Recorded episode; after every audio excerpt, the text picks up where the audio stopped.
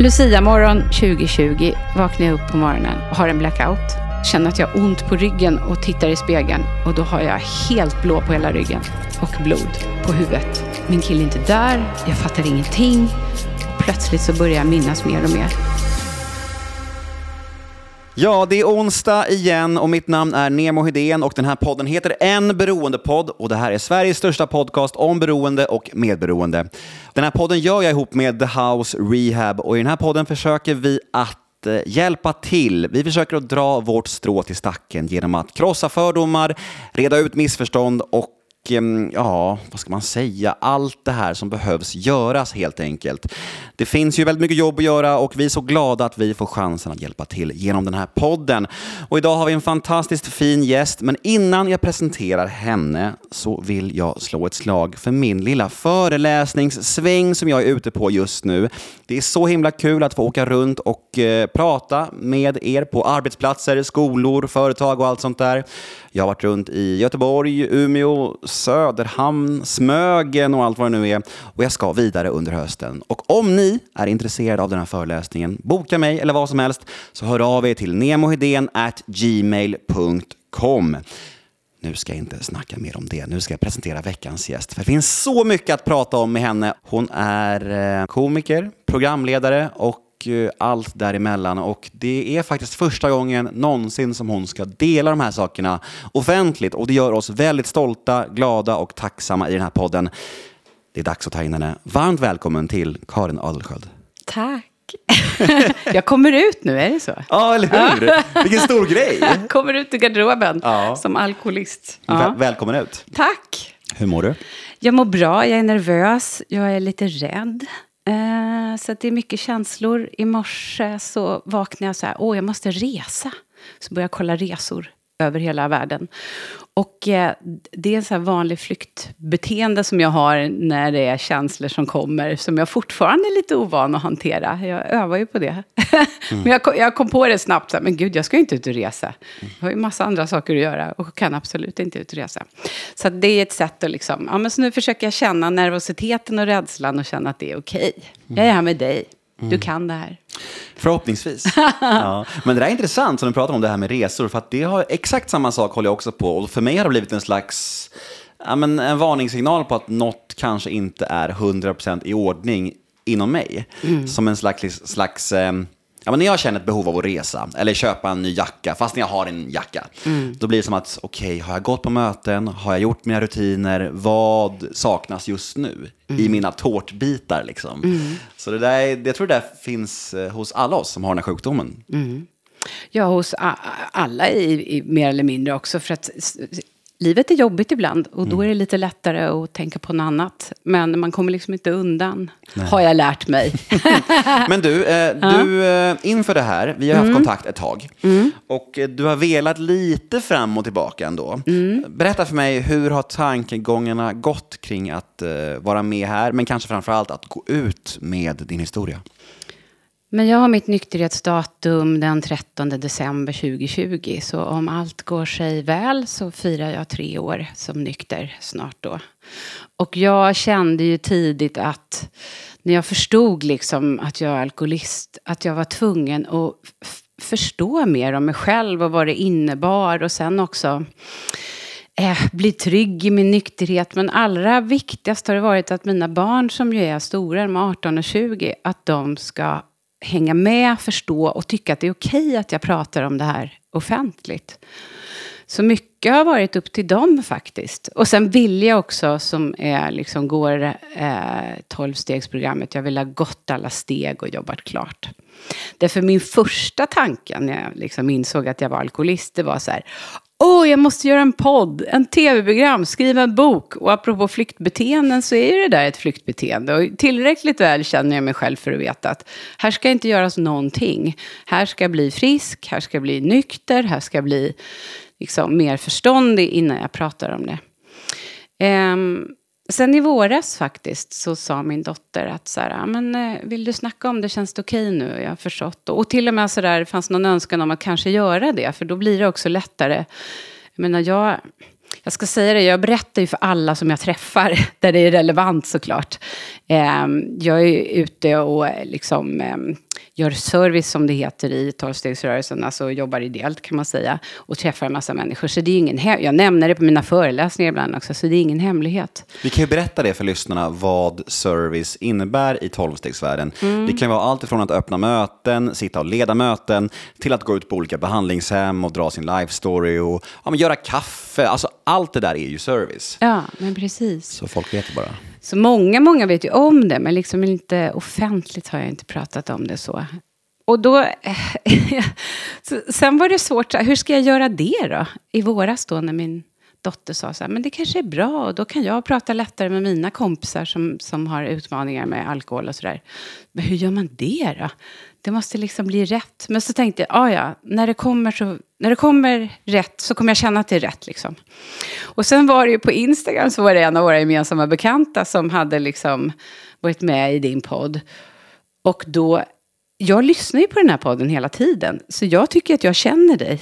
Och vi har sett på möten och sådär. Så att, eh, utan att tänka på det skrev jag ju så här, åh vad kul att du varit i USA och liksom. Och du bara, va? är du en av oss? och jag bara, just det. Ja, för jag visste ju inte det. Nej. Nej. Nej. Men vem var den eh, gemensamma bekanta som, som du såg? Marcus Granstedt. Mm, fina Marcus. Ja. Ja. vi gjorde ju Kompani Svan nu ju. Ja, men exakt. Ja, ja. Så där, och då frågade du, ska du inte komma ut hos mig? och då var jag så här, ja, men det kanske är precis det. För tanken med att jag pratar om det, det är ju naturligtvis, precis som du inledde med, att avdramatisera, att berätta mer. Jag menar, min grund röda tråd i livet är ju folkbildning någonstans. Och om det finns någonting att folkbilda om så är det ju den här sjukdomen. Men också så lite skam över att jag kanske inte har varit öppen med det innan. Därför att jag är öppen med mycket annat i mina sociala medier, med stress och psykisk ohälsa och så. Men det här har jag ju inte nämnt. Och det känns lite, ja men jag vet inte. Ska allt upp på bordet så ska det här upp också. Vi är jätteglada över det. Eh, Men jag tycker det finns någonting sunt i att vänta också. För som vi sa här innan vi slog på eh, inspelningsapparaten här, så eh, vi har ju en regel här i podden att inte ha gäster som har eh, mindre än ett års obruten nykterhet.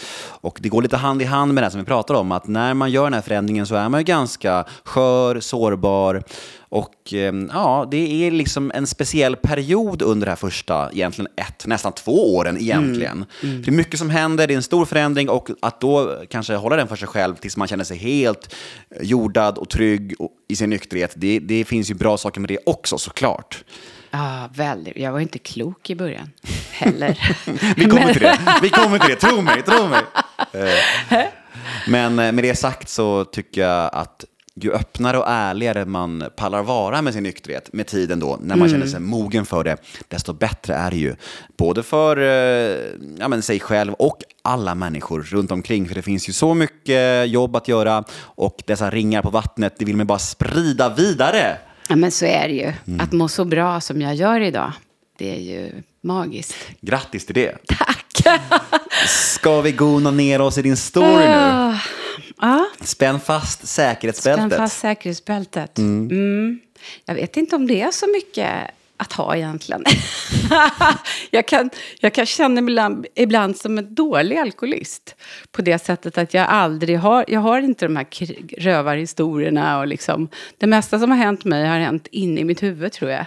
Men just därför är Mm. du extra viktig, tänker jag, som gäst. För att det finns ju väldigt många lyssnare som kanske inte kan känna igen sig i det här största, mörkaste kaoset, men kanske behöver höra just din story. Mm.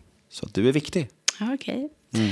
Ja, jag är, föddes och växte upp i Östergötland i ett litet samhälle som heter Kisa. I och utanför Kisa. Med mamma och pappa och tre småsystrar. Och mamma och pappa var rödvinsvänster i det bästa, i det bästa bemärkelsen. Nej, men de var gröna vågare. Jag vet inte om man sa att man var gröna vågare själv då när, när de var det. Men, men de eh, liksom hyrde olika gårdar och odlade, själv, hade självhushåll och försökte leva alternativt. Liksom. Ehm, så att på ett sätt så var ju uppväxten fantastisk. Gård med djur och många syskon och skog och eh, helt underbart. De var eh, liksom, eh, vad ska man säga, inspirerade av antroposofin och det var liksom, ja men eh, många av de sakerna de höll på med var ju rätt tänkt redan för då 40-50 år sedan. Det vill säga att inte bespruta grönsaker, att liksom inte, ja men så här, spara på miljön och lite så. Och så var de väldigt aktiva i vänsterrörelsen och liksom på olika sätt. Men att växa upp då i jordbruksbygder jordbruksbygd där eh, folk har liksom varit bönder i generationer. Och de flyttade ju dit från stan, från Linköping. Och hade inte odlat innan, man hade inte ens haft husdjur. Eh, och då flyttade ut på landet och var så, vad ska man säga, extrema. Det blev ju eh, problematiskt för oss barn, framförallt för mig.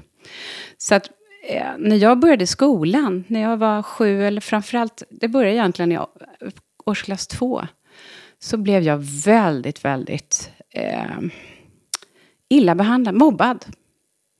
Och idag kan jag ju på ett sätt förstå barnen. Jag såg ju ut och var som ett ufo. Jag hade liksom, vi var ju som en liten ö eh, i den här jordbruksbygden. Där mamma och pappa var liksom akademiker. Eh, det var mycket, vi hade inte så väldigt så, ingenting, inte Dallas, ingen sån här populärkultur på tv. Vi eh, åkte verkligen på tjeckisk dockteater. Jag läste oerhört mycket tidigt. Jag skrev mina första dikter när jag var fem år. Jag kunde skriva liksom. Så att, eh, men jag kände mig bara väldigt, väldigt konstig. Och så konstig ut. Mamma sydde våra kläder av gardiner och liksom, ja men annorlunda. Och det är klart att det blev ju väldigt lätt då för barnen att att tycka att det här var eh, konstigt. Och dessutom så gick jag i en liten, liten skola så här, byskola, var bara 27 stycken i hela skolan.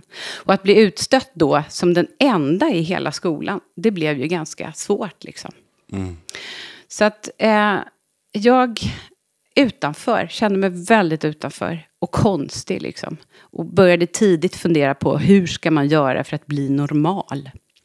det är så svårt det där som barn. Man, man, vill ju på ett sätt bara vara som alla andra. Mm. Eh, jag var också från en lite annorlunda familj och bodde i kollektivhus och så här, du vet, med hippieföräldrar. Så jag känner mycket igen mig i det här att man, mm. man, man bara sticker ut fast man inte vill det. Liksom. Konstiga kläder och tokiga föräldrar. Och, och ja, det, det, det är fan smärtsamt alltså. Ja, och jag tittade just på de här, alltså filmen Tillsammans ju, som, som kommer igen nu. Alltså, mm. När jag såg den första gången, det var liksom så här, what? Har inte alla haft det så här? Nej, exakt. Är så här, legobitar i trä. Man hade två bitar, för sen orkade inte pappa göra mer. Eh, man hade gympadojor, var så här Kina-skor. Mm. Ja, men alltså, och att man, jag tittade på de här villorna. Jag var ju hemma ibland och, hos folk och fick liksom O'boy och sirapsmackor. Man bara köper bröd, det här är ju drömmen. Det är exakt som min barndom. fan. Ja, ja, exakt. ja, men med allt vad det innebär. Ja. Oerhört mycket kärlek och passion och idealism och värderingar som är fantastiskt. Men sen så fanns ett samhälle runt omkring som inte tyckte det var. Och ibland så kan jag tänka, tänk om jag hade vuxit upp i Järna. Hur hade det blivit då? Hade jag väl varit än mer i gänget då? Jag vet inte. Men det andra som hände var att jag väldigt tidigt tog på mig den rollen och fick rollen som att jag är en tuff jävel. Så jag slås inte ner av de här. Och det var också lite förklaringsmodellen att man förklarade. det. Men de här, de har inte läst böcker, de har svårt hemma. Alltså de som mobbade mig. Så förklaringsmodellen var att du vet bättre, du ska vara större, du kan. Så jag började kriga. Jag började kriga, jag var en, eh, ja, men nio år. Jag fick också, jag heter ju Karin, jag hette ju Karin. Märks att jag är nervös eller? Usch, inte ska jag komma tillbaka och allting. Nej, men, eh, jag kallades liksom Kajsa Kavat hemma. För att jag var kavat och jag var tuff. Och när mina småsyrror råkade illa ut så var jag där med knytnävarna och liksom. Och den rollen har jag sen haft sen dess. Och det var den liksom med facit i hand som har lagt krokben för mig så många gånger. Den här krigaren, den här tuffa Karin, eh, den finns egentligen inte. Och det har varit en väldigt svår roll att hantera under åren. Men det var så jag växte in i det. Men byggde du en sån roll, tror du, för att du var lite utsatt? Eller blev det som slags sköld? Eller? Ja, men absolut. Mm. Och sen tror jag också sådär, jag vill inte visa att jag grät. Mm. Så när jag började högstadiet, då började jag liksom också få psykiskt, alltså, alltså psyk, eh, fysiskt, jag fick mycket stryk liksom. Mm. Och då var det, jag ville inte visa dem att jag grät. Och jag tror att jag tänkte så här, om jag gråter kommer jag få mer stryk. Hade jag gråtit kanske jag inte hade fått stryk. Hur mycket stryk fick jag inte för att jag muckade, jag ställde mig upp borstade av, liksom, torkade av blodet i mungipan och bara, era jävlar.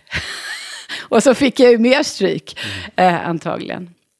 Eh, så jag var ju aldrig inbjuden på fester och så, för jag var ju så utanför i högstadiet. Eh, och ehm, jag vet att de drack och jag tänkte så här, usch, det ska jag aldrig göra. Eh, eftersom jag tyckte också lite att jag var bättre och liksom så här, de är dumma i huvudet, de har ingen koll. Men sen faktiskt i åttan, i slutet på åttan, så blev jag inbjuden på en fest. Eh, jag och en kompis. Och det här är första gången då jag dricker alkohol. För då tänker jag så här, de kommer ha alkohol och jag tänkte, men någon gång måste jag testa, så nu är det dags. Och då snodde jag maskrosvin av mina föräldrar i en sån här sirapsflaska, en sån plastflaska. Eh, min kompis tog också med sig någonting.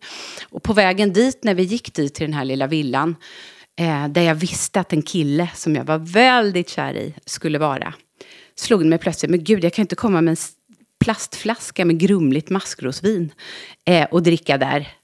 Så jag sa till min kompis, vi måste dricka upp det här innan. Så det gjorde vi. Jag drack upp precis innan. Det är ju kallt ute, det var på vintern. Kommer in i värmen och då kickar alkoholen in. Allra första gången jag dricker. Och den känslan är svår att beskriva. Det första jag ser i halsspegeln så ser jag mig själv. Och då ser jag att där är ju en tjej som ser helt okej okay ut. Jag har nämligen, en av sakerna jag blivit väldigt, väldigt mobbad för, att jag är ful och att jag ser förjävlig ut. Liksom. Fula Karin, du är så jävla ful. Det har jag fått höra så många år. Och när alkoholen har kickat in så ser jag något annat. Liksom. Jag, vet, jag står så här jättelänge och bara tittar på mig själv i spegeln. Är det jag? Liksom? Och sen går jag ner i källaren då där vi ska vara. Och då är jag i själ och hjärta den här tuffa personen. Alltså det som det yttre och det inre stämmer överens. Och jag bara ser mig själv utifrån, glider ner, sätter mig precis bredvid den här killen som jag aldrig ens hade vågat titta på i skolan. Och bara tja! Hur är läget? Så jag får sånt mod av alkoholen. Jag får sånt mod och jag får sån kärlek till mig själv. Och liksom, det var som allting stämde.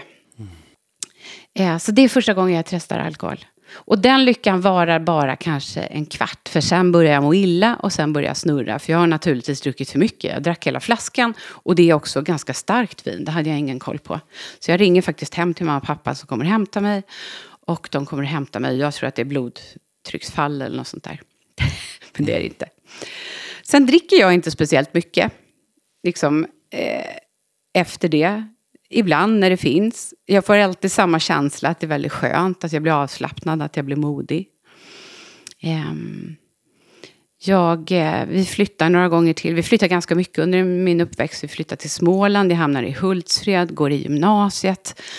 Eh, på landet är det mycket hembränt. Det är många som dricker sprit. Vi festar ganska mycket.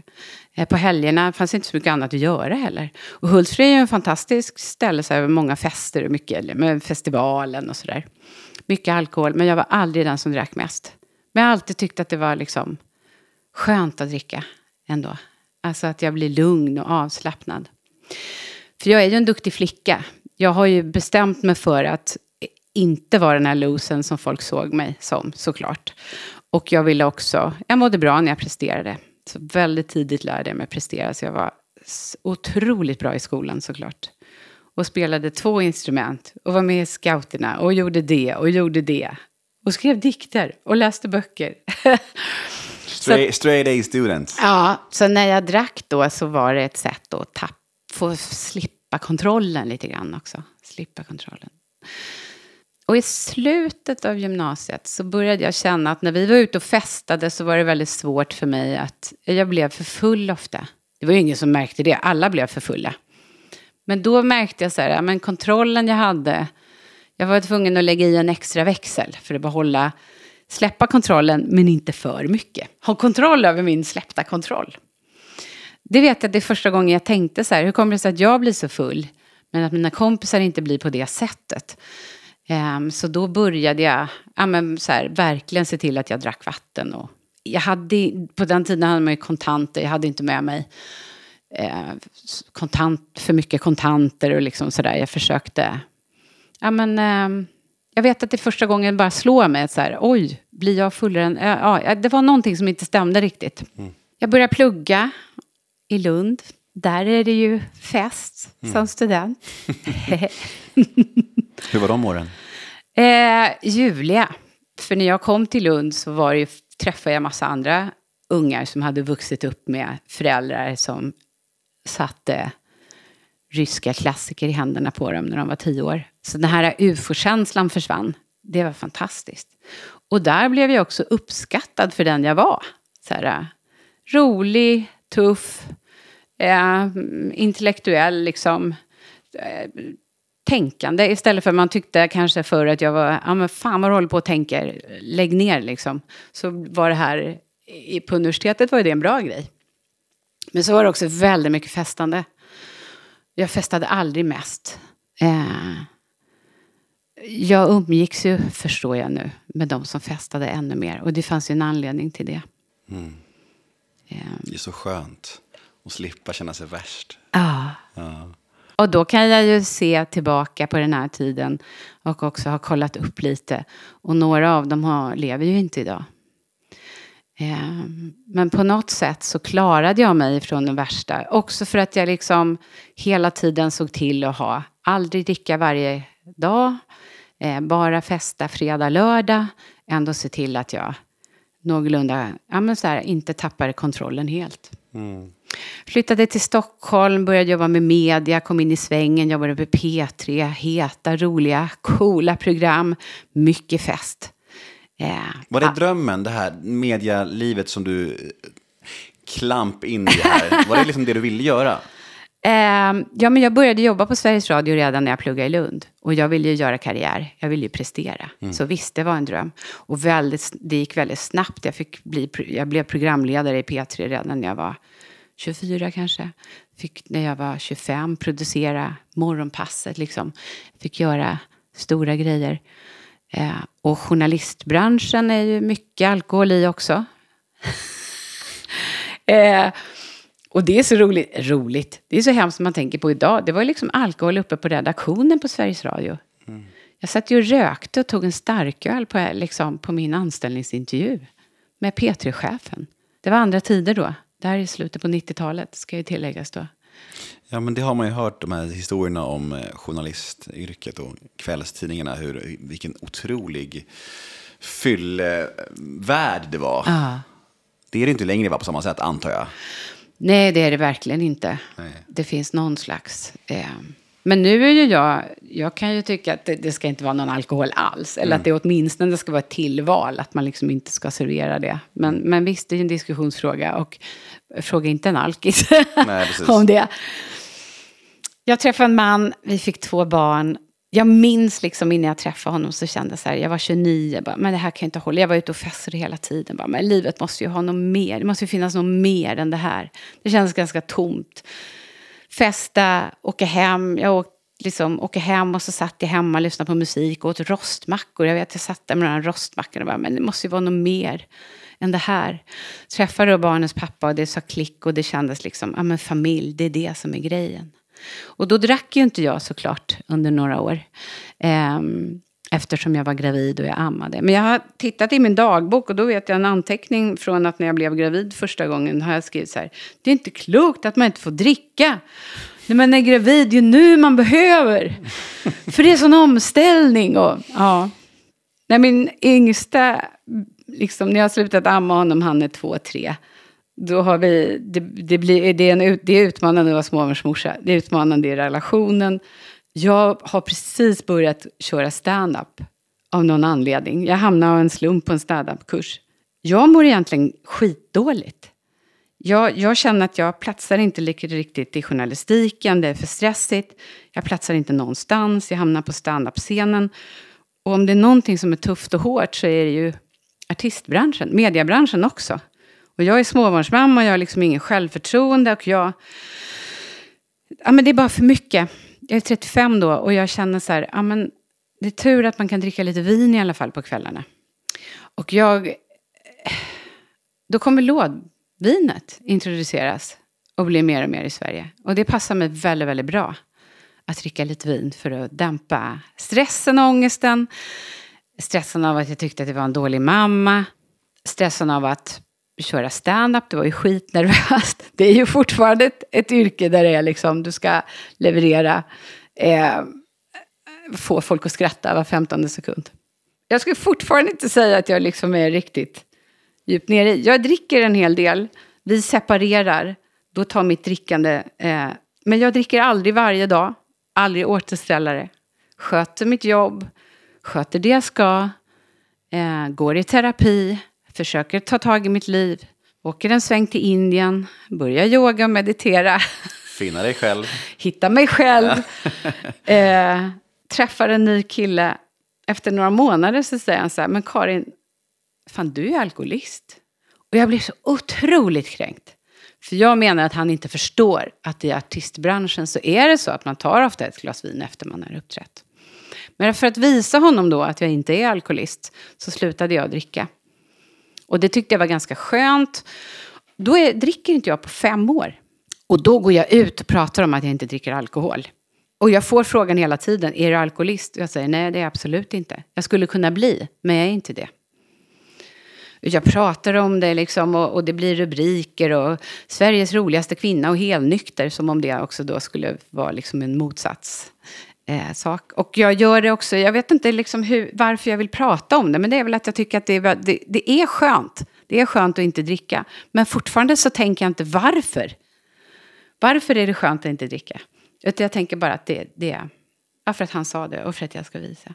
Och för sju år sedan, är det det? Nej, det är sex år sedan. Så separerade vi. I, och eh, då har vi levt ihop i sju år. Precis. Fem av de åren drack jag inte. Jag flyttar tillbaka till Stockholm och jag tänker, nu har jag ändå visat att jag inte är alkoholist, för jag har inte druckit på fem år. Eh, och det är något nytt som händer också i Stockholm. Jag har blivit av med allt, liksom. relationen, boendet, alla grejer, för att det blev så smärtsam och stökig separation, så det tog ett tag för mig och liksom hitta. Och jag, var all, jag hade precis varit utmattad, utbränd, jag hade varit sjukskriven länge. Jag fick liksom, skulle starta om. Och då tänkte jag så här, jag måste ha mod och kraft att göra det här. Så då började jag dricka. För jag hade inte en tanke på att det skulle liksom ha med att jag skulle vara, ha, ha problem. Och det här är sex år sedan och då, då går det ganska snabbt.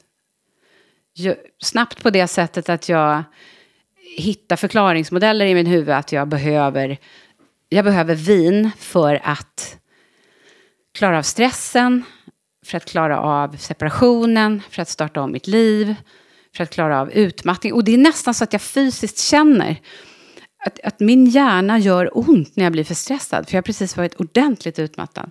Så att jag liksom behöver vinet för att coola ner stresshjärnan på något sätt. Så att jag dricker inte mycket, två, tre glas vin. Onsdag, torsdag, fredag. Eh, försöker hålla koll. Dricker inte sprit. Och så tänker jag, ja men nu, så, så fort mitt liv är igång så ska jag sluta dricka. Jag får ordning på mitt liv. Jag får, kommer igång med, min, med mitt jobb. Jag får en turné bokad med en föreställning. Jag hittar äntligen boende. Ja, det ser ut som jag precis har allting på plats. Och då kommer pandemin. Och allting rycks undan igen.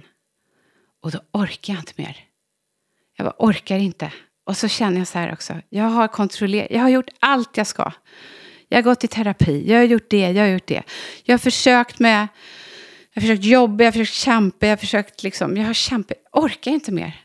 Varför ska jag hålla på och kontrollera mitt drickande då? Det finns ju ingen anledning.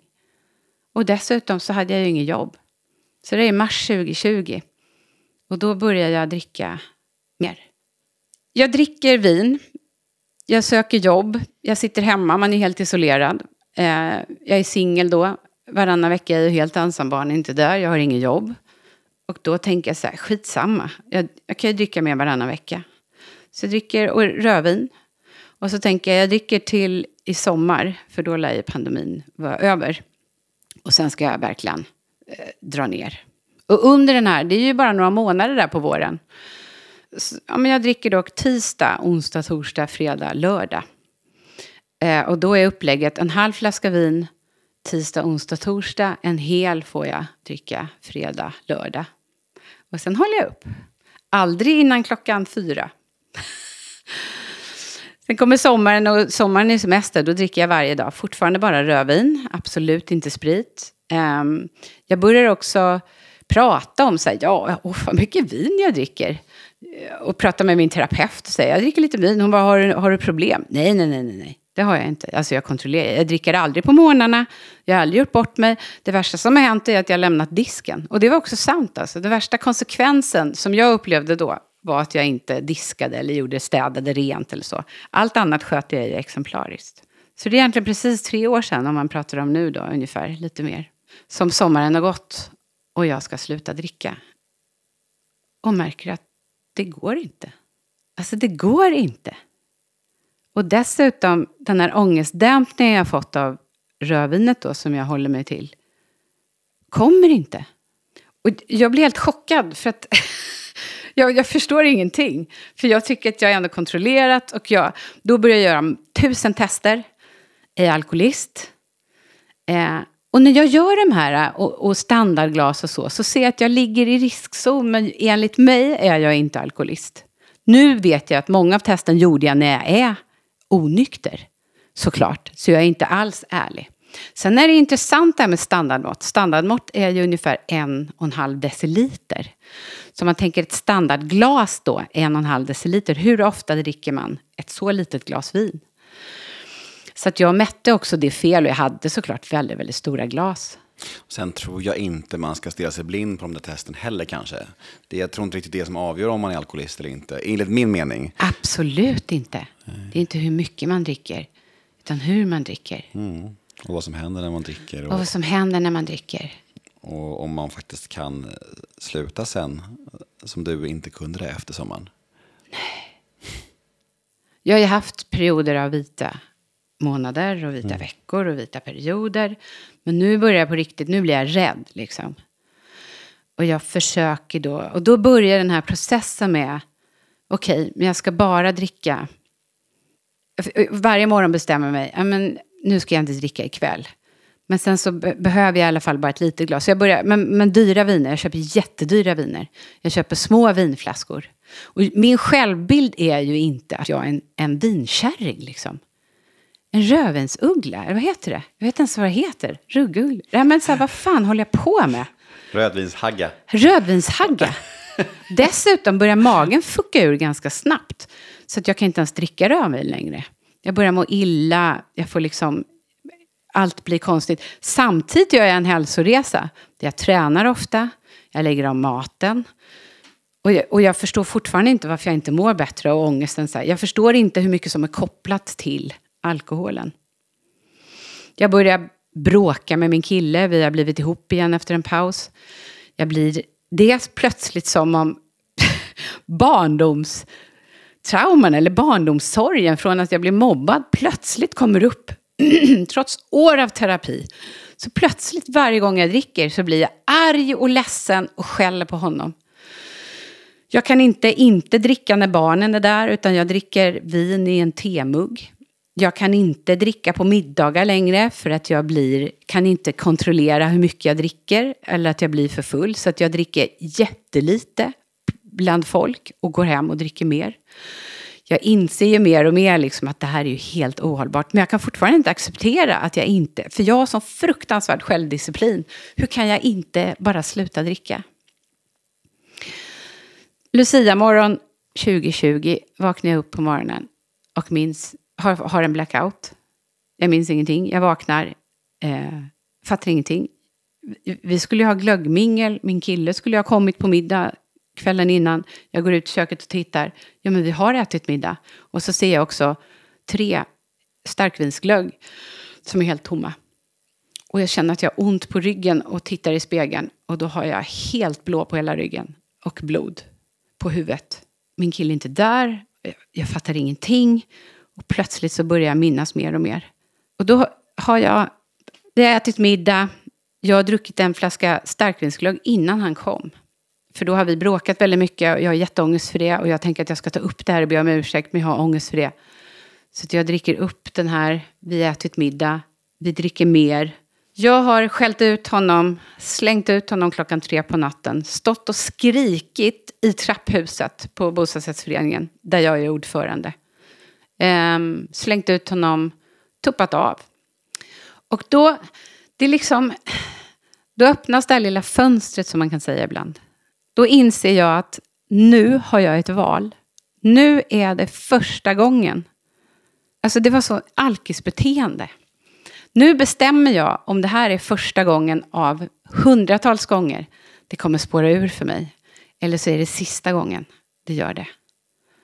Alltså jag får en sån känsla av att om jag fortsätter nu så går det rakt ut för. Den var så jäkla stark. Så jag inser att jag, jag kan ju inte dricka mer. Jag kan inte dricka mer. Så att jag bestämmer mig där och då för att aldrig mer dricka. The window of opportunity. Ja. Mm. Jag hade flera år tidigare hade jag drömt en dröm som var jättestark. Jag drömde att jag var så hemlös och jag, att jag hade så inga framtänder och att jag hade så trasiga strumpbyxor och så på Centralen. Och så tänkte jag, gud, det var så stark dröm. Jag fattade, varför drömde jag den? Jag tänkte, ja men det kanske är någon, har jag sett någon film eller vad kan det vara? Men då när jag vaknade den där morgonen så insåg jag att det där hade kunnat vara jag liksom. Om bara några år. Om det kan gå så här snabbt liksom. Så jag slutade dricka, ta beslutet, berätta för mina närmsta vänner. Det här går ju inte. Jag vet inte vad som har hänt, men jag har blivit knäpp liksom. Ta bort alkoholen och mår så fruktansvärt dåligt. Jag har aldrig mått så dåligt i hela mitt liv. Jag har sån ångest. Alltså jag börjar nästan se syner, börjar nästan höra röster. Jag, jag, jag, jag, förstår ingenting. Det är fortfarande pandemi dessutom. Så att jag är bara hemma, jag och min kille. Och jag, och, eh, jag försöker hitta andra projekt och liksom, jag försöker hitta en massa olika saker att göra. Men jag mår bara sämre och sämre. Jag bråkar, jag blir elak. Jag blir ännu värre mot mina barn, mot alla runt omkring. Jag förstår ingenting. Till sist så är det en kompis som säger så här, men fan Karin, du kanske är alkis. Då har det gått fem månader. Jag sa, det finns inte på kartan för jag dricker inte sedan fem månader. Och hon bara, du har inte fattat någonting av vad en beroendesjukdom är. Du kan vara alkoholfri, men du kan fortfarande vara sjuk i beroende. Mm. Eh, då gjorde jag som många andra, då, då googlade jag så här, hur kan jag få privat hjälp? Hur kan jag köpa in? Jag är en offentlig människa, jag kan inte söka hjälp för någon kan se mig. Och hur pinsamt är inte det här? Jag har pratat om psykisk ohälsa och stress och så här. Tänk om folk skulle veta att jag hanterat min stress med rödvin. Jag har skrivit en bok om att hantera stress. Vad ska folk säga? Så jag ringer My Skarsgård och säger, jag behöver gå privat hos dig. jag betalar vad som helst. Och hon säger, det finns en helgkurs du kan gå på. Ja, men jag är så himla offentlig. Och dessutom oerhört speciell för att jag har inte varit på en parkbänk eller någonting utan jag har bara druckit lite rödvin så jag måste... Kom på kursen så pratar vi därifrån. Den här helgkursen är en kurs för folk som vill lära sig att dricka normalt eller ta reda på var någonstans man har en problematisk inställning till drickande. Och jag kan säga att alla vi tolv som var där hade någon slags förhoppning om att hon skulle säga nej men det är lugnt, kör på. Det var så smart, du har också gått den, eller hur? Mm, mm. Ja. Hur, vad tänkte du när du kom dit? Alltså jag gick den ju en bit in i min nykterhet. Mm. Så jag visste redan att jag var rökt. Mm. Så jag gick den mer för, för, kunskapens skull och för att jag gillar My mycket. Och hon hade varit gäst i min podd och, och jag var nyfiken på den. Mm. Jag hade hört mycket gott om den. Eh, men eh, det är ju exakt som du beskriver alla som jag gick med ja. hade ju en förhoppning om att eh, vi är nog inte så illa däran på skalan och vi ska lära oss att dricka normalt. Men alla får ju verkligen den dörren stängd rejält. Ja. Det är en otroligt bra kurs alltså. Ja. Och hon är ju svinbra. Och att jag hittade henne, det var ju tack vare den här podden. Mm. Och hon sa någonting i den podden som bara tog skruv. Hon sa så här, man kan utveckla alkoholism när som helst i livet. Man kan ha haft riskdrickande eller som hon inte haft ett riskdrickande och sen plötsligt bli alkoholist. Fast man är en mogen kvinna. Liksom en, en smart mogen kvinna, det låter ju hemskt. Och då tänkte jag så här, men herregud, ja, jag går kursen och den är ju så smart upplägg. För den är då liksom, om man säger att det finns fyra stadier i en beroendesjukdom, liksom innan man går över gränsen till att utveckla ett beroende. Så är det först att man inte har ett problem med drickande, nummer två är att man har risk med drickande, eller att man närmar sig det. Nummer tre, jag kommer inte riktigt ihåg, men då har man ett riskbruk, men man kan fortfarande avbryta. Nummer fyra, då har man gått över gränsen och utvecklat en beroendesjukdom. Och då gör de ju alla tre, och sen är det, sover man på lördagen, och sen så kör man fjärde, liksom, vad ska man säga, nivån på söndagen. Och då, så då ligger jag där på, på den här, hos henne, är vaken, och tänker att det finns fortfarande en chans att jag inte är alkoholist och då skulle jag kunna fortsätta dricka. Och då får jag sån ångest. Jag känner att jag orkar inte mer. Jag känner att jag orkar inte förhålla mig till den här jäkla alkoholen mer, till det här rödvinet. Åh, så tänkte jag, det vore mycket lättare om jag bara inte drack. Och så bara föll polletten ner. Ja, men jag kanske inte kan dricka, jag kanske inte ska dricka. Och då kände jag sån frihet. Sån enorm frihet. Men jag har hela tiden tänkt att om jag blir alkoholist, om jag är alkoholist, då är livet slut. Men jag fick sån sjukt stark känsla av att, men gud, det är ju det. att jag är, fri, jag är fri, det låter ju hemskt, men, ja, men är det ett beroende jag har? Är det en beroendeperson? Är det det jag håller på med hela tiden? Ska jag bara inte dricka? Så där och då började jag. Jag gick kursen, jag insåg att jag är en alkoholist. Har jag varit det hela livet? Jag vet inte. Det där är så svårt att veta. Har jag hållit det borta hela, eller har jag bara haft självdisciplin? Kan man ens ha självdisciplin om man har ett missbruk? Um, har jag hållit mig på rätt nivå? Utvecklar, utvecklar jag det för några år sedan bara? Eller? Det är liksom svårt att veta, men det spelar ingen roll. Liksom, jag är en alkoholist. Jag är sjuk i beroende. Jag måste ha hjälp att tillfriskna. Mm. Så att jag gick till AA, jag gick till tolvstegsmöte. eh, dagen efter ringde en vän som, som jag hade på Facebook som jag inte känner tillräckligt bra eller alls. Och hon ba, och sa bara, jag behöver gå på möte, jag vågar inte gå själv. Jag är offentlig person och alla kommer titta på mig och, hur ska det vara? Och folk kommer säga, hon bara, det är lugnt. Jag klädde upp mig och sminkade mig, jag höll på ett timmar liksom. Jag skulle åtminstone vara snygg när jag går dit och outar mig som alkoholist. Men surprise! Jättemånga offentliga personer. Ingen bryr sig om vem som är där och vem som inte är där. I de där rummen är vi alla alkoholister. Mm. Eller beroendesjuka av någon anledning och vill bli friska. Gud, nu är jag helt yr i huvudet. Men, men, jag har bara pratat det, på. du sköter det jättebra. Och jag tycker att det är jättebra att du, att du verkligen trycker på det här med att, uh, vad som händer med en alkoholist, en narkoman, när vi plockar bort vår substans. Att det liksom inte är det det handlar om. Att det, att det, inte, det är inte det som gör oss lyckliga och fria. Nej. Att, alkoholen och drogerna är bara en substans, det är bara ett symptom på vår sjukdom. Exakt. Vi måste ju ta itu med bakomliggande faktorer, vi måste ju göra jobbet och vi måste leva i tillfrisknande. För att, jag vet inte hur det är med, med dig eller med andra, eller sådär, men med mig, när jag plockar bort det är då jag blir som galnast. Mm. Det är då jag mår som sämst. Det är då jag är som tommast. Liksom. Eh, så jag behöver ersätta det med någonting och det är där ett tolvstegsprogram eller någon slags tillfrisknande kommer in i bilden. Liksom. Mm. Och det vittnar ju du om där när du mår skit i fem månader. Det är väldigt tydligt. Liksom. Ja, fruktansvärt. Och så, hur klarar jag fem år då utan ja. att dricka? Men jag tänker att din sjukdom kanske inte hade liksom blommat ut då helt. För som My säger, alltså hon säger ju att alkoholismen kan ju komma när som helst. Du kanske levde i mm. riskbruk länge och så kanske liksom själva alkoholismen blommat ut bara sista åren. Ja. Men, Men ska sägas då, jag, eh, jag ser ju alkoholism, precis som du säger, som att det finns en grundproblematik. Och för mig har den varit att jag kan inte hantera mina känslor. Jag kunde inte hantera den som jag hade utgett mig för att vara med den som jag var inuti. Och skillnaden emellan blev bara större och större ju äldre jag blev och desto mer jag liksom blev utåtriktad och med, med jobben och allt det där. Och det hanterade jag på olika sätt. Alltså genom att jobba jättemycket. Att ha relationer som jag blev helt extremt passionerat kär i. Genom att faktiskt göra karriär och få oerhört mycket uppmärksamhet och egokicka på det. Jag ser ju att jag använt till och med stress som ett sätt att liksom, vara beroende av stress. Tror jag faktiskt. Och det är det som gör idag att när jag nu gått de här tolv stegen, och det är också så spännande. Jag har gått alla terapier som finns. Och ändå går jag den här tolv stegen som är ett slags handlingsprogram. Där man inte kan tänka sig frisk utan göra sig frisk. Och plötsligt så fungerar det. Mm. Nej, det är magiskt. Och, och det som hänt är att jag har lärt mig hantera mina känslor. Ja. Men det jag har också lärt mig det är ju det här att, att ett beroende är ett beroende som finns hela tiden. Och passar jag mig inte, som i morse då, då börjar jag sitta, åh oh, jag måste resa, jag måste, så jag måste hela tiden tillbaka så här.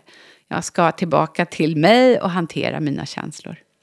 Precis, och det där är intressant för att de allra flesta som man möter på möten har ju oftast provat allting annat också. Ah. Det är ju så. Men skillnaden som du säger är att 12 är ett handlingsprogram som vi lever på daglig basis. Vi måste göra jobbet själva. Ah. Går du i terapi, då har du ju ett helt liv utanför terapin där du kan Ah. bullshitta dig själv hur mycket som helst. Ja, och jag har faktiskt suttit två hus bort här hos min terapeut i tio år.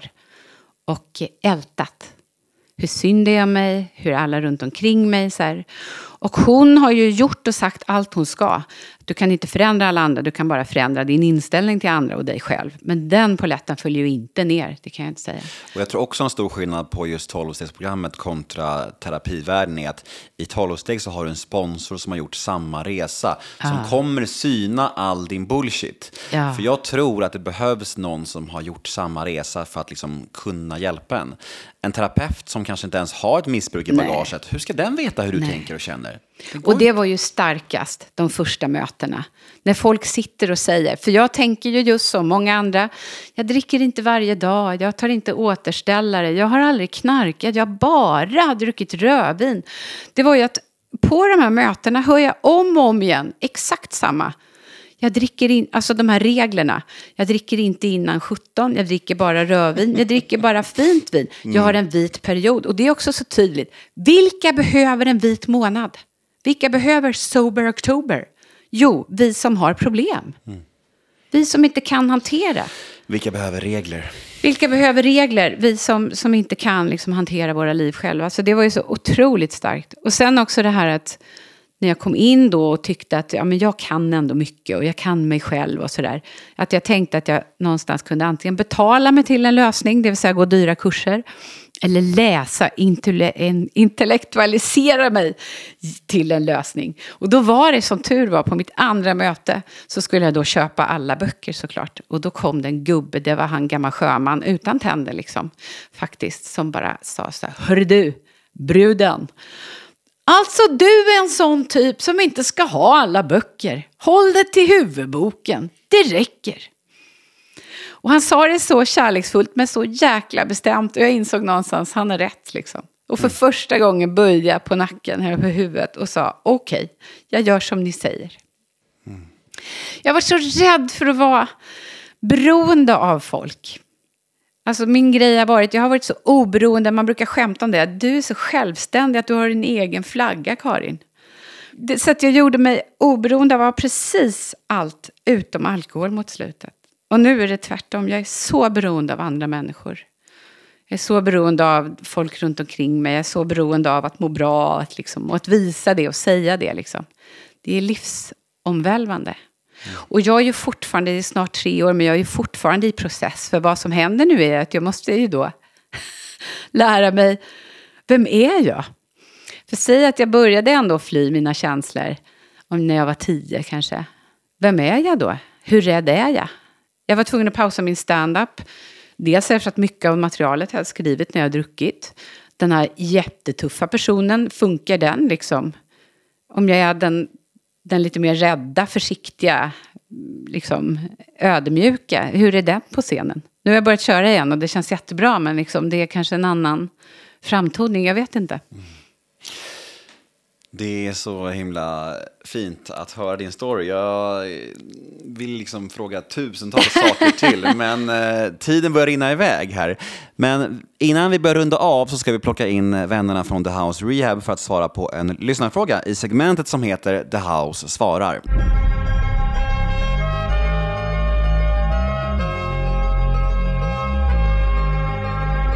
Ja, då ska vi köra en lyssnarfråga och till höger om mig har jag fått sällskap av Robert Boman. Tjena Robert Boman. God morgon. God morgon, god morgon. Klockan är liksom tio.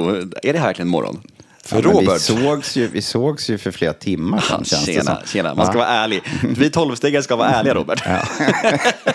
Vad har du lärt dig egentligen? Jag la ju till känns det som. Ah, ja, ja. Mm. Snygg, brasklapp. Ja. Ja, Hej Felix. Eh, god förmiddag. Ja, god förmiddag. Där satt den. Där satt den. Bra, snyggt. snyggt. Vi ska köra en lyssnarfråga. Är ni redo? Ja. Det känns som att Sverige går åt helt fel håll på många sätt. Hur tror ni att man kan fånga upp unga killar innan de hamnar i kriminalitet och då framförallt droger? Var bör insatserna göras? Stor fråga. Jättestor ja. fråga och, och kräver Ledsam ju... fråga också. Om jag ska vara med dagsläget som är. Mm, Väldigt aktuell. Och det, alltså kolla ifall man tittar på det så är det en utveckling som har skett under väldigt många år. Jag skulle inte säga att det är någonting som har gått förbi oss liksom med att kriminalitet och narkotika liksom håller på, eller har letat sig in egentligen i alla vrår i det här samhället. Och när det kommer till de här unga pojkarna, men man ska absolut inte glömma unga flickorna heller som faktiskt också dras in i en väldigt stor omfattning idag i gängkriminaliteten och kriminalitet överlag så handlar det om sju, alltså otroligt många olika instanser. Och vad vi tittar på i det här är ju att det är flera nivåer av samhället som egentligen har fallerat i den här frågan under ganska lång tid. Vi snackar skola, vi snackar socialtjänst, vi snackar hem, alltså landskapet hemma också, eh, bland föräldrar. Och det som inte riktigt har varit har ju varit, eller hur jag ser på det, och jag har inga barn liksom. Jag har i alla fall gjort någon form av samhällsanalys under de här åren det är väldigt många saker som har glidit ur fingrarna för att det inte har varit en sammanhållning mellan de här olika sakerna. Mm. Uh. Alltså det här är en jätteviktig fråga och nästan så att jag också tycker att vi faktiskt ska ta den här frågan en gång till i ett längre ja. frågeprogram. För mm. det, det, går inte att svara, svara snabbt på den. Det är som Felix säger, det har fallerat på många olika plan och, och här han, politikerna håller på att kivas om vems fel det är. Ja. Och, Eller vem som sa något först. Ja, och någonstans ja. är det väl liksom lite så här, samtliga regeringar har misslyckats. Ja, under en väldigt lång tid. Det, det vore fint att bara kunna slå fast det. Hörrni, killar och tjejer, vi har totalt misslyckats. Vi behöver göra ett omtag och det behöver vi göra tillsammans. Oh. Man måste börja från grunden om det, om det ska ske en, en förändring. Sen finns det radikala quick fix. Ja, och, och, det kan ju låta provocerande om jag säger det här, men, men vi har en del lagar i Sverige. Vi har något som heter LVU, lagen om vård av, av ungdomar. Eh, för en ung kille eller tjej mm. som närmar sig ett gäng mm. så vill jag vara så drastisk att säga att då ska LVU in direkt. Yeah.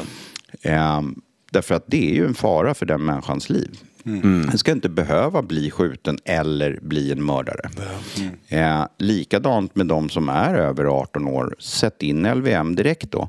Eh, med det här sagt, för det här låter ju enkelt att säga, eh, så till det så behöver det naturligtvis finnas en fungerande LVU och LVM. Det var det jag tänkte säga, att du måste ja. komma någonstans där du rehabiliteras för, och kommer iväg i livet. Ja, för idag så är inte de här två instanserna fungerande. Så att, och det är viktigt att lägga till. Mm.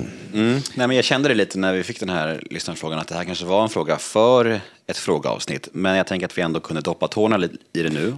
Och svara vi, vi, borde, vi måste ta upp den här ett ja, absolut. avsnitt. Det här blev det korta svaret mm. och det långa svaret tar vi i en frågepodd framöver. Mm. Bra. En bra lösning. Ja. Mm. Mm. Och om man vill komma i kontakt med er på The House Rehab, eh, vart vänder man sig? Hur gör man? Då mejlar man alicia.thehouserehab.com. Eller går in på vår hemsida, thehouserehab.com. Snyggt! Ska vi säga så? Ja. Boom. Mm, tack The House och tack du med din kloka lyssnarfråga. Hoppas du är nöjd med ditt svar. Jag sitter här med Karin Adelsköld och vi har fått förmånen att vara de första människorna som får, som får lyssna på hennes eh, life story. Ja. Och eh, du har ju snart varit nykter i tre år. Mm. Och du lever i tillfrisknande. Mm. Du är aktiv i tolvstegsvärlden. Mm. Hur skulle du beskriva den här resan eh, i tillfrisknande och jobbet med dig själv. Hur, eh, hur är det att leva i ett tillfrisknande? Och skillnaden kanske framför allt mot att inte göra det? Oj, ja, men det är ju fantastiskt. Det låter ju konstigt, men jag är så tacksam att jag är alkoholist. För att då fick jag chansen att få eh, kunna jobba med mig själv och hitta rätt. Liksom. Hitta till mitt inre barn på något sätt. Eh, hitta den här eh, lilla trasiga personen som, som behöver hjälp. Att jag hittar till eh, en gemenskap, som, som, att jag aldrig är ensam längre. Jag är accepterad som jag är och så. Det är en fantastisk resa måste jag säga. Sen är det ju, jag har också börjat ett nytt tolvstegsprogram för medberoende. Som också, så det, är ju liksom, det här är ju en resa som aldrig slutar. Tillfrisknandet är ibland väldigt frustrerande såklart. Ibland kände jag så här, jag sa till min sponsor bara, men åh, steg 12, så här, nu är jag klar. Hon bara, vad menar du? Nej men nu är jag ju klar. Men nej, man blir aldrig klar. Och det är nog ganska skönt. Så här, vad ska du göra när du är klar? Och nu inser jag att det är ju skönt liksom, att det bara fortsätter. Mm. Men sen finns det en frustration också. För att, jag menar, jag skäms. Det är så inbyggt med skammen ändå. Så där. Mm. Jag kan också uppleva att jag, min alkoholism ser inte ut som andras. Och det har varit lite svårt att förklara. Alltså när jag gjorde mina gottgörelser så var det många som reagerade bara, nej du är ju inte alkoholist. Alltså väldigt många som inte vill acceptera det. För att det, jag är ju en smygis liksom. Mm. Och jag har presterat så bra ändå. Sånt där är så jävla sorgligt tycker jag och beklämmande just det här mm. med folk som ska förneka en annan person dens sjukdom. Det blir helt knäppt. Jag minns att Ellen Bergström sa samma sak. Att, när, mm. att flera gubbar sa åt henne att du, du kan inte vara alkoholist, du är så mm. söt liten tjej. Liksom så här. När hon liksom har insett sitt livs största och viktigaste insikt. Liksom. Mm. Det är ju också därför det är så viktigt att vi sitter här och pratar om det. Ja. Så att folk får insikt i din resa, din historia, dina tankar och varför du tog ditt beslut. Mm. För folk som lyssnar på det här kommer ju fatta eh, mycket mer än vad de som inte förstod när du gottgjorde dem. Liksom. Ja. Och egentligen spelar det ingen roll, men jag tror att frustrationen är just när jag berättar. Jag berättar ju för alla att jag är nykter alkoholist, liksom. så, så, är det ju. Men då kommer det så här, ja, jag, jag, jag dricker kanske lite mycket, men jag dricker inte varje dag. Och jag gör sådana här tester och jag har... Och jag, ja, men det är inte så det funkar. Det är inte hur mycket man dricker, det är hur man dricker. Mm. Och det, det, är så, det är så många som liksom fightas och kämpa med sig själv och man, åh på fredag då ska jag ta vin liksom och då, alltså det, vi har ju också en kultur, ett samhälle där man ska hitta lösningar utanför sig själv och det uppmuntras ju att dämpa känslor med allt från shopping till sex till, till allt liksom. Mm. Och det är ett sätt att leva som, som gör mer ont än att liksom, ta hand om sig. Vi har ju sagt det säkert 10 000 gånger i den här podden, men det tåls att sägas igen. Och det är just det här med att folk har ju verkligen en nidbild av en alkoholist som en gubbe på parkbänken och mm. narkoman i någon med spruta i armen. Liksom. Mm. När det egentligen handlar om att de allra flesta alkoholisterna, det är ju de här människorna som gör upp regler för sig själva. Ja. Prat. Och man alltså testa, att, att, bara sådär just, det kommer jag ihåg att My sa också så här, men ta ett glas vin en kväll och så dricker du bara halva. Mm. Och så tänker du så här, jag var inte så sugen idag. Mm. vi skrattar vi som, det finns ju inte. Vadå, lämnar vi? Dricka ett halvt, alltså. Nej. Och det är den känslan jag tycker så här, ja men jag skulle aldrig någonsin våga riskera att ta ett glas vin. Nej. Det går inte. Jag är så himla glad att du har kommit hit idag för att eh, som du vet, det finns ju så mycket skam och skuld kring det här så alla offentliga personer som kliver fram och pratar om det är jätte, jätteviktiga. Alla människor är viktiga överlag som pratar om det, men det är ändå en extra grej med offentliga personer för att hjälpa till och tvätta bort skammen och skulden kring den här sjukdomen. Så jag vill tacka dig från djupet av mitt hjärta att du kom hit idag. Ja jag är helt, min hjärna är liksom, den har stängt av nu. Mm. Har jag sagt något vettigt? Jag har ingen aning, jag vill säga utanför mig själv. Jag tycker det var jättebra. och jag brukar vara ganska ärlig faktiskt. Ja. Så jag tycker du fick med mycket. Framför allt den perioden, eller det segmentet där du pratar om din vändning mm. och insikten och den där ja, men, window of opportunity. Jag älskar att höra de bitarna i folks mm. life stories. Det är alltid det starkaste och det är helt otroligt tycker jag. Mm. Så tack för det. Tack. Och tänk liksom hur många vi är som kämpar med allt. Framförallt kvinnor i min ålder känner att något är fel. Och så testar vi precis allt annat utom att ta bort det, eh, det, som gör oss beroende av någonting. Det är ju spännande. Exakt, vi kämpar hela våra liv när liksom nyckeln är att ge upp. Ah, Ja. Det är som att säga en jordnöts. Man brukar ta det som exempel. Man är allergisk mot jordnötter. Så försöker man hela sitt liv att äta jordnötter. Det är märkligt, men eh, jag hoppas folk som har hört eh, den här episoden kanske förstår det nu då. Mm. Tack Karin Adelsköld för att du kom hit idag. Tack snälla för att jag fick. Du får komma tillbaka snart. Ja, vi får se. N- när, du, när du har återhämtat dig.